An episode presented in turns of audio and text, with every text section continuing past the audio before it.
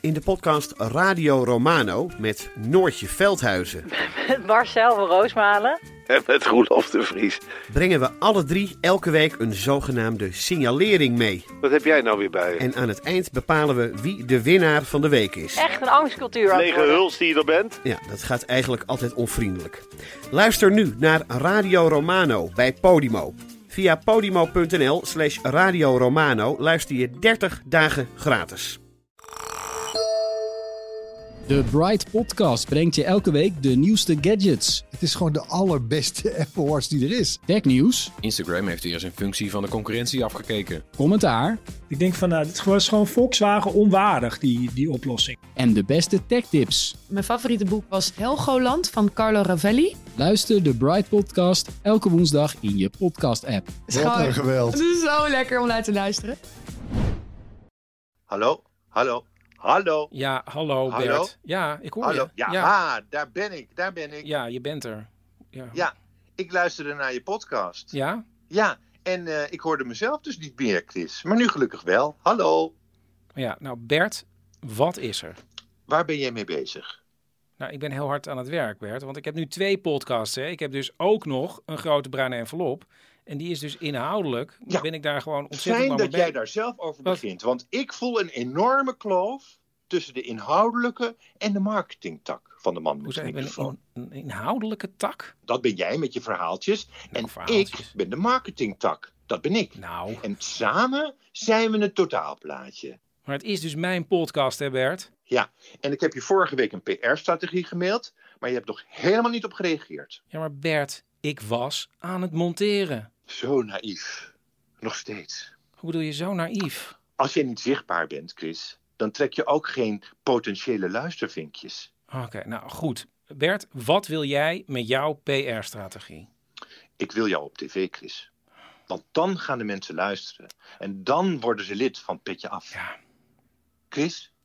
Ja, dat probeer ik zelf ook wel, Bert. Ik bedoel, ik stuur heus Ja. wel mailtjes naar tv-redacties en zo. Maar ja, eh, Ja. het heeft blijkbaar, eh, weet ik veel, geen nieuwswaarde of zo. Dat is allemaal Daar heel- gaat het helemaal niet om. Hoezo? Nieuwswaarde, Dat- ja. is zo old media. Waar het nu om draait is amusementswaarde. We zouden jou veel meer als een, als een, als een, als een, als een typetje moeten neerzetten. Typetje? Ja, dat vinden de mensen leuk, Chris. En mijn idee is dus dat we voor de tv gaan uitbuiten dat jij totaal ongeschikt bent voor een camera. Hoezo ben ik totaal ongeschikt voor een camera? Nou ja, op de bruidsvideo van Cor en Ankie sta je voortdurend met je ogen dicht. Ja, dat was heel zonnig, Bert. Ja, Het dat is was iets heel zonnig. Say hello to the studiolamp, Chris. Maar goed, dat geeft dus niet als je er maar bewust van bent. Hè? Je ziet eruit als een, als een, Als als een als een egeltje. Als een egeltje dat, dat in de koplampen van een auto tuurt voordat hij wordt overreden. Een egeltje? Ja, even als beeld, hè. En daar moet je dus niet tegen vechten, dat moet je omarmen. Want in beeldvorming is jezelf zijn key. Jezelf zijn en je zegt net een typetje. Ja, zo werkt dat. Zo van, hé, hey, daar heb je dat egeltje weer. Leuk, dat werk. Waarom een egeltje? Wist je trouwens dat je een egeltje juist geen melk moet geven? Daar gaan ze hartstikke dood van. Nou ja, maar ze kunnen wel weer 40 slakken in één nacht opeten. 40! Nou, ik heb er één keer eentje geprobeerd. In Frankrijk was dat wel. Maar ja, het was ook geen pretje. Bert, kwam natuurlijk ook door die sterke knoflookboter. Bert. Chris, ja. Ja, is het anders goed dat we dan die potentiële luisteraars even parkeren? En dan richt ik me nu even op de huidige luisteraars, dat die lid kunnen worden van Petje Af. Zullen we dat zo doen dan? Nou ja, doen we dat. Oké, nou, luister je met plezier naar deze podcast en mijn andere podcast, Een Grote Bruine Envelop. Word dan lid vanaf 3 euro per maand en ontvang af en toe iets extra's. Ga dus snel naar petje.af slash man met de microfoon. Oh, dankjewel. Nou, graag gedaan.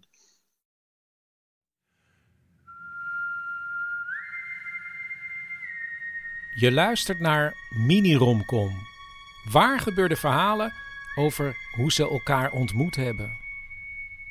Dit is aflevering 4, De Barista.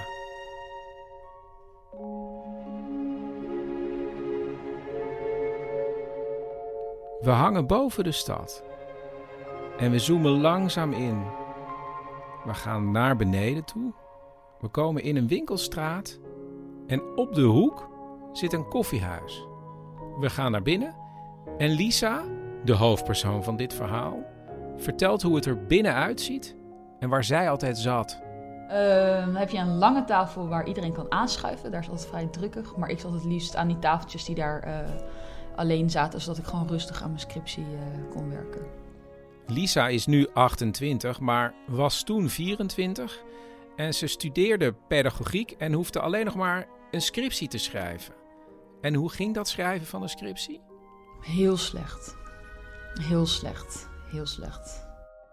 En toch zette ze maandenlang iedere dag de wekker en zat ze vanaf een uur of half elf tot vier in de koffiecompagnie om beetje bij beetje aan haar scriptie te werken. Ja, bleef wel stug doorgaan trouwens. Ik heb nooit opgegeven. Dat, uh, zover kwam het niet. Welke rol speelde het koffiehuis eigenlijk? Het is echt een buurthuis en zo voelde het eigenlijk ook. Een soort van bijna verlengde van uh, je eigen woonkamer, wat je daar hebt. Ik ging daar ook gewoon in mijn joggingskleren gewoon vaak zitten. Gewoon, ja, alsof, alsof je thuis op je laptopje tikt in je te grote trui en je joggingsbroek. Ja, ik daar ook gewoon vaak. Ik dacht, ja, het is toch thuiskomen eigenlijk. Als we goed kijken, zien we Lisa daar zitten aan haar tafeltje met haar laptop. Maar om haar heen zijn natuurlijk andere vaste klanten. En dat zijn de zogenaamde bijfiguren in dit verhaal. Zoals. De vrouw met de honden, de hondengek. Als zij er is en er komt iemand met een hond binnen, dan zien we het volgende. Zij gaat op de knieën, die hond gaat kwispelen. Echt voordat het baasje het doorheeft, is de connectie al gemaakt. En dan ja, dan weet je gewoon, daar, daar komt het. Ja, we zien de vrouw heel even kort knuffelen met de hond waarbij ze op de knieën is gaan zitten. Maar dan is onze aandacht alweer gericht naar buiten. Want wie komt daar aan? Het vieze mannetje. Het vieze mannetje? Ja, dat is een beetje een gezet mannetje. Die kwam altijd op zo'n snorfiets aan. Echt zo'n oude, vieze snorfiets, dat was het ook. En hij uh, had zo'n ketting aan zijn broek hangen, waar zijn sleutelbos aan hing. Dan hoorde hij al die brommer aankomen als hij binnenstapte, sleutel. Dan wist ik, ja, daar komt het vieze mannetje. En die ging altijd gewoon daar zitten en naar mensen kijken. Dan heb je nog een groep eigenlijk aan hele gezellige klanten. Dat is een beetje een soort, ja, ik zou het de party squad noemen. En die mensen zitten altijd helemaal achter in het koffiehuis. En centrale figuur daarin is een vrouw van midden 40. Zij is heel gezellig. Zij heeft altijd hele vette sneakers aan. Zij komt samen met een vriendin. En dan heb je nog een soort um, homostel waar ze bevriend mee zijn geraakt. En met z'n vieren zitten ze daar graag. Maar de belangrijkste figuur is de oude vrouw die daar zit. Altijd aan het tafeltje naast Lisa omaatje waar wij elke dag voor moesten zorgen. Want die ging niet naar een verzorgingstehuis, maar die zat daar haar dag door te brengen. Dus wij zaten eigenlijk samen altijd de hele dag daar. Haar man zette haar ochtends af en hij haalde haar op aan het eind van de dag. Het ding was dus, ze was dementerende en het werd, eh, ja, je zag haar echt aftakelen. Maar doordat zij bij ons kon zitten, kon zij gewoon thuis blijven wonen. Die man is echt 15 jaar jonger. Dus hij had nog een baan en hij werkte. En hij kon dus niet de hele dag bij haar zijn. Uh, en ja, het, bouwde zich echt af, haar uh, toestand. Dus zij had op een gegeven moment ook briefjes mee waarop dan stond dat moest ze aan ons geven. En dan wisten wij hoe laat we een tosti eronder moesten doen, zodat ze wel kon lunchen. Want het vergat ze gewoon omdat ze langzaamaan echt uh, ja, aftakelde. Dus ja, we hebben veel tijd samen doorgebracht. Ja, zeker. Af en toe even een praatje met haar gemaakt als ik dan pauze wilde. Dan even aanschuiven en kletsen, ja over echt van alles. Over wat zij vroeger heeft gedaan. Zij had echt best wel een bruisend leven, want ze had vroeger een eigen café in Zeeland. Dus we hebben daar veel over gesproken, over het werken in de horeca. En zij ging met haar man vaak ook naar het filmfestival in Cannes. Dus daar heeft ze ook over gesproken. Over haar kinderen, over wat ik deed, over... Um, nou, ook zo nu en dan wel over meisjesvoetbal. Dat, ik ben dus fan van voetbal en dat dat vroeger eigenlijk niet was, maar dat het zo leuk is dat het nu zo uh, steeds maar aan het groeien is. Ja, en natuurlijk over mijn scriptie, want ja, dat moest ik ook even uitleggen wat ik dan de hele dag daar deed. Dus het onderwerp ging ook altijd wel weer even over mijn scriptie en hoe gaat het vandaag. Dus uh, ja, echt een beetje een soort oma-figuur bijna, dat je denkt, je, ja, je bouwt echt een band op.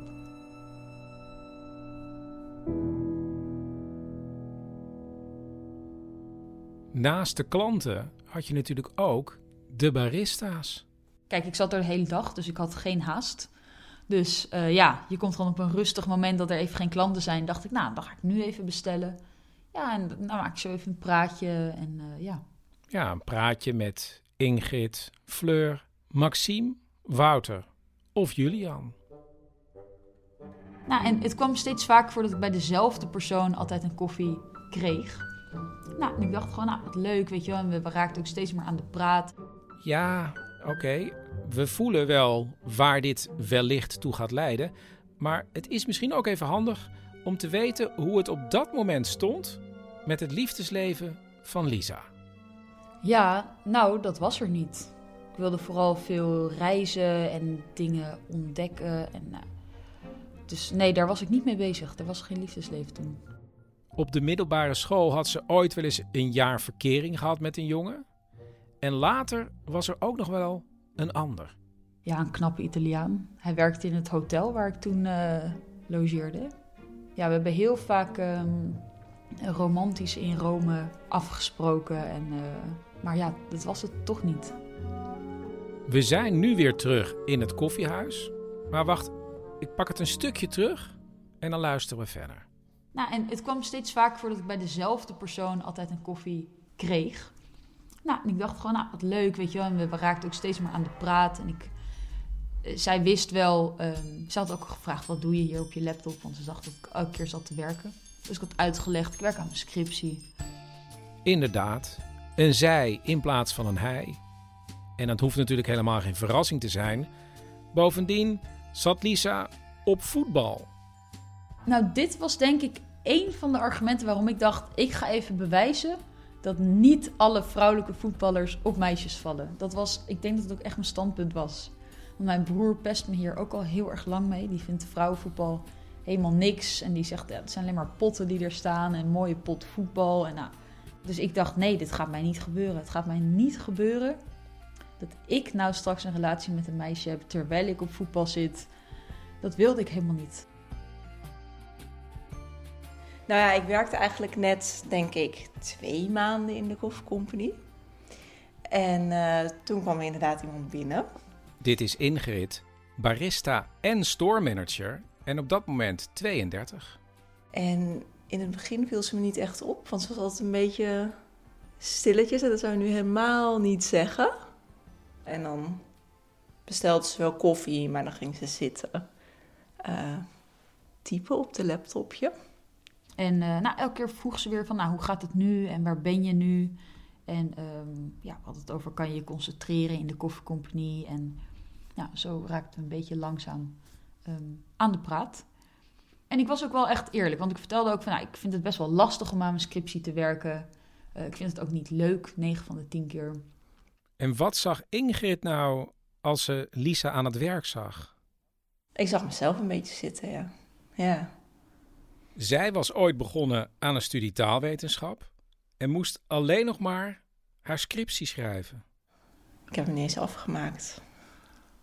Dus ik heb mijn bachelorscriptie gedaan en mijn masterscriptie was af. En toen ging die door de review heen en toen moest ik zoveel verbeteren dat ik gewoon helemaal niet meer zag zitten. En dus is ze niet afgestudeerd? Nee. Ah, en toen zag ze Lisa en dacht, die zit in hetzelfde schuitje.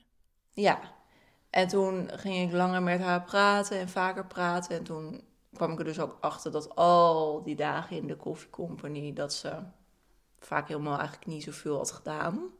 En uh, toen zei ze op een gegeven moment van... Uh, ja, zal ik je een keertje helpen met je scriptie? En ja, toen ik stelde dat voor en achteraf zei ze... Ja, ik dacht toen... Nou, hij gaat maar vast niet helpen. Maar dat deed ze dus wel. Vanaf dat moment gaat ze met rode pen, stukje bij beetje, door de aantekeningen van Lisa. En Ingrid weet zich ook nog heel goed te herinneren de dag dat Lisa iets meer werd dan het meisje dat ze hielp met haar scriptie. Uh, het was oudjaarsdag. En zij kwam de koffiecompany binnen en ze zei van nou, uh, hoe, uh, hoe laat zijn jullie er morgen? Want dan ga ik oliebollen halen en dan kom ik morgenochtend. En toen stond ze er inderdaad met een zakje oliebollen. En toen dacht ik, oh, je bent echt heel leuk. Ja. Ze spraken af om de scriptie door te nemen. Maar nu zien we ze toch echt al een paar keer s'avonds zitten, daar met z'n tweeën, in het café. En ehm, eerst had ik dus niet echt er iets achter gezocht. Totdat ze mij een bericht stuurde: Wat doe je aan vanavond? En toen dacht ik: Wat doe ik aan vanavond? Ik dacht: We gaan toch gewoon wat drinken? Wat doe ik aan? En ik vond dat zo'n rare vraag. En toen had ik opeens stress, want toen dacht ik: Huh? Maar goed, we hebben wat gedronken en het was heel gezellig. We zijn daarna ook gewoon weer naar huis gegaan. Toen dacht ik: Nou, prima, was leuk. Totdat ze me een appje stuurde van... ehm, ja, heb je eigenlijk een relatie? Eh, want ik vind je best wel leuk. En toen dacht ik... Red flag. Wat is dit? Toen dacht ik echt... Nee joh, we hebben gewoon gezellig... de hele tijd tijd met elkaar doorgebracht, gekletst. En dan vraagt ze dit. En ik dacht ook van ja... Volgens mij val ik helemaal niet op meisjes. En waarom zegt ze dit nou? En dit gaat helemaal niks worden. En ja, ik dacht ook van, hoe nu verder? Want ja, de koffiecompagnie, dus hè, ik kwam daar ook graag, dus ik zie haar elke dag. En ik vond het zo'n rotvraag dat ze dat aan mij vroeg. En ehm, toen heb ik geantwoord, ja, ik heb geen relatie, maar ik denk niet dat ik op meisjes val. Dus ik weet niet of het wat kan worden. Ik wil het misschien wel uitzoeken, maar ik schat de kans heel klein in. Die, die boodschap zat er een beetje achter. Maar ik dacht vooral, en hoe nu in de koffiecompagnie? Want ik wil morgen gewoon weer aan mijn scriptie daar lekker een iced latte drinken. Toen heeft ze volgens mij heel lief gereageerd met... oké, ik begrijp het, ehm, maar ik vind het best wel gezellig. Dus, ehm, dus toen heb ik ook heel lief gereageerd ja, ik vond het ook heel gezellig, dus we kunnen dit wel blijven doen. Dus ik hield een soort van... Ik zei nee, maar indirect gaf ik haar juist ook wel ruimte om een soort van nog een keer te proberen of zo. Ik weet niet wat ik eigenlijk aan het doen was, dus ik ben ook niet handig hierin. Ja, maar ze moest natuurlijk ook bewijzen dat ze op meisjesvoetbal zat en hartstikke hetero was. Maar bovenal wilde ze de volgende dag weer naar de koffiecompagnie. Dus kijk, daar fietste ze. Ik zette mijn fiets vast en ik zag dat knotje boven die espresso-machine uitsteken. Toen dacht ik al, zal ik nu teruggaan of zal ik naar binnen lopen? Ik ben naar binnen gelopen en toen dacht ik, ik moet het zo niet ongemakkelijk mogelijk maken. En toen ben ik meteen eigenlijk weer gewoon een gesprek aangegaan. Gewoon alsof de hele vraag niet geweest was. Dus we hebben gewoon weer gekletst. Toen dacht ik, oké, phew, hier zijn we vanaf. Lisa kan gewoon doorwerken aan haar scriptie in het koffiehuis. En de afspraakjes met Ingrid gaan ook gewoon door. Bovendien denkt ze, ik wil misschien wel werken in de koffiecompagnie. En dan is daar opeens de eigenaar. Toen raakten we aan de praat en hij zei, oh, ik hoorde dat je misschien wel hier wil werken. Toen dacht ik ja, dus ik zei ja. En ik heb direct diezelfde dag, heeft hij mij ook aangenomen. Ik heb helemaal geen sollicitatiegesprek hoeven voeren. Maar zei gewoon, nou, dan kom je vanaf nu hier werken. En dus zit ze aan haar tafeltje te werken aan haar scriptie. Of ze staat achter de toonbank en bedient de vaste klanten die ze toch al kent. De vieze man, party squad, de hondenvrouw en de oude vrouw die iedere dag gebracht wordt door haar man. Het gaat steeds slechter en slechter met haar en zo slecht is ze op een gegeven moment dat ze niet meer kan komen. Ehm, en haar man die hield ons een beetje op de hoogte. En hij heeft toen wel aangegeven van nou, het gaat nu heel slecht met haar. En toen is ze overleden.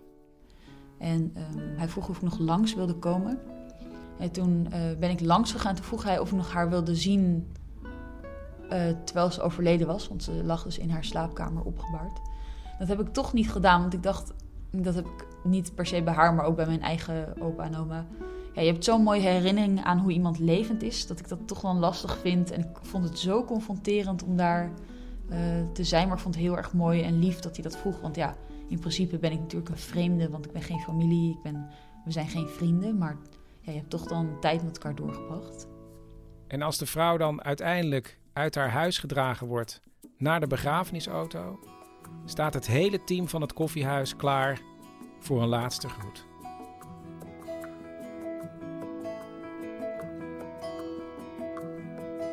Ingrid krijgt een eigen woning in de buurt van het koffiehuis.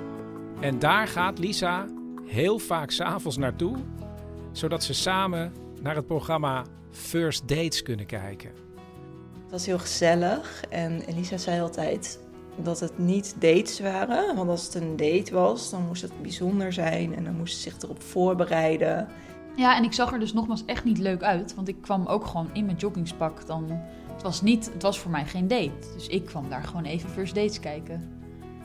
Maar langzaam sloop dat er toch in dat ik beetje bij beetje moest toegeven. ehm, ja, dat ik uiteindelijk misschien dan wel op meisjes viel, maar niet op haar. Toen dacht ik, ja, nou, volgens mij is het wel, denk ik gewoon vaak aan haar. En ehm, vind ik het leuk om haar te zien. En toen kwam het er langzaam in. Natuurlijk dacht ik soms wel van, oh jee, dit wordt vast helemaal niks. Maar er was gewoon iets wat zij uitstraalde naar mij toe, waardoor ik altijd dacht, oh, dit komt wel goed. Ja, dat was een knop die omging van binnen. Toen dacht ik, Lisa, je vindt haar gewoon leuk. Want ik moest steeds aan haar denken en ik dacht, als je het niet probeert, dan weet je het ook helemaal niet. Dus ik dacht, weet je wat, we gaan ervoor. Toen heb ik dus iets verzonnen waardoor ze met mij zou afspreken. Ja, dit is echt een eh, mijlpaal geweest. Volgens mij heb ik een soort van setting, een soort iets bedacht... waardoor zij dacht dat we naar een karaokebar zouden gaan. Want ik wist, zij haat karaoke. Karaoke? Ja. Dus ik heb iets verzonnen van, nou, je moet sowieso groen aan... en ehm, zoiets raars heb ik gezegd. En het duurt best wel lang, zei ik. Ik dacht echt karaoke. Ik ga niet. Ze gingen natuurlijk niet naar de karaoke. Maar bij hoge uitzondering had Lisa Ingrid bij haar thuis uitgenodigd. En daarbij ging ze nogal grondig te werk. Ehm, dus ik heb daar alle kaarsen die er waren aangestoken. Maar echt alle kaarsen. waren er heel veel. En ehm, toen kwam ze binnen en zij was echt verrast. Want overal alleen maar kaarsjes. Ja, toen wist ik wel, oké, dit is nu voor haar ook een date. Ik schrok een beetje van mezelf. Ik dacht, oh shit, nu heb ik het romantisch gemaakt. Wat nu, weet je, en waarom doe ik dit eigenlijk? En waarom kon ik niet gewoon het licht aan in een film? Waarom die kaarsen? Ik begreep ook helemaal geen reet meer van wat ik nou deed. Dus ik was eigenlijk ook niet bezig met initiatief nemen, maar gewoon meer een soort van paniek van binnen met waarom doe ik dit? Maar het was wel gezellig. Ik weet ook eigenlijk niet meer wie de eerste move gemaakt heeft. En toen heeft zij het initiatief genomen en toen hebben we daar op de bank gezoend. Voor het eerst heb ik toen een meisje gezoend.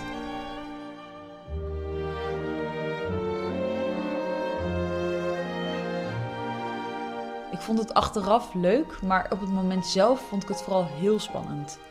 Ja, het was ook precies goed, zeg maar. Het was ook, we hebben gewoon alleen gezoend. En we hebben wel een paar keer gezoend, maar het was niet dat je dan meteen over de top gaat en dat je het eigenlijk verpest. Het was gewoon precies dat je denkt van, ja, dat was het. Dat was het begin.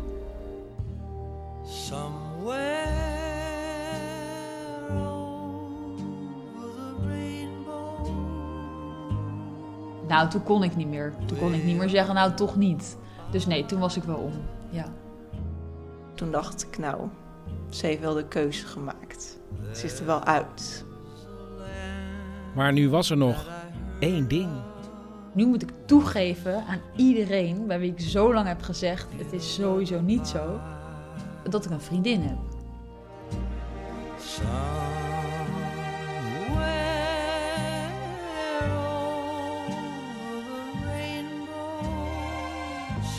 Ze vertelde het in de familie als eerste aan haar moeder. En hoe reageerde die? Oh, heel lief, heel lief. Die was meteen van, oh wat leuk en eh, helemaal goed Lies en hoe heet ze en je mag er altijd meenemen. Zo. Dus die was, nou, zoals je hoopt dat je moeder zou reageren, zo reageerde ze. Ook haar vader reageert prima. En dan? Ja, mijn broer vond ik gewoon het gênantst. Want ik had tegen hem het allerhardst geschreeuwd dat het niet zo was. En? Ja, toen heb ik gewoon gezegd, echt schoorvoetend, eh, ik moet je wat zeggen, zo. Ja, volgens mij werd ik ook helemaal rood. En toen zei ik van, ja, ik heb een relatie. En toen zei hij, haha, je bent pot zeker. En toen zei ik, ach, ja, ik heb met een meisje een relatie. En toen, eh, ja, toen heeft hij vooral een grap erover gemaakt. En, eh, maar zo zijn wij gewoon. Ik weet gewoon dan, hij maakt een grap, Of ik maak een grap naar hem toe en dan weten we gewoon het is goed. Het verhaal is bijna afgerond. Maar natuurlijk zien we ook nog Lisa die met hulp van Ingrid haar scriptie weet af te ronden. En achter de balie staat koffie te schenken aan de vaste klanten. En daartussen zit ook een nieuwe vaste klant. De echtgenoot van de overleden vrouw. Nu komt haar man, ja. Ja, die komt eigenlijk, die kwam nooit. Die kwam er alleen maar afzetten en weer ophalen. Maar nu komt die man dus wel elke dag. Dus nu is hij de vaste klant geworden. Ja, dan neemt hij zijn eigen kopje mee. Dat is echt heel erg leuk, ja. Tot slot, Ingrid werkt nu ergens anders. En Lisa is store geworden. Nu is het omgedraaid. Eerst was zij manager en ik vaste klant. En nu hebben we elkaars rol overgenomen.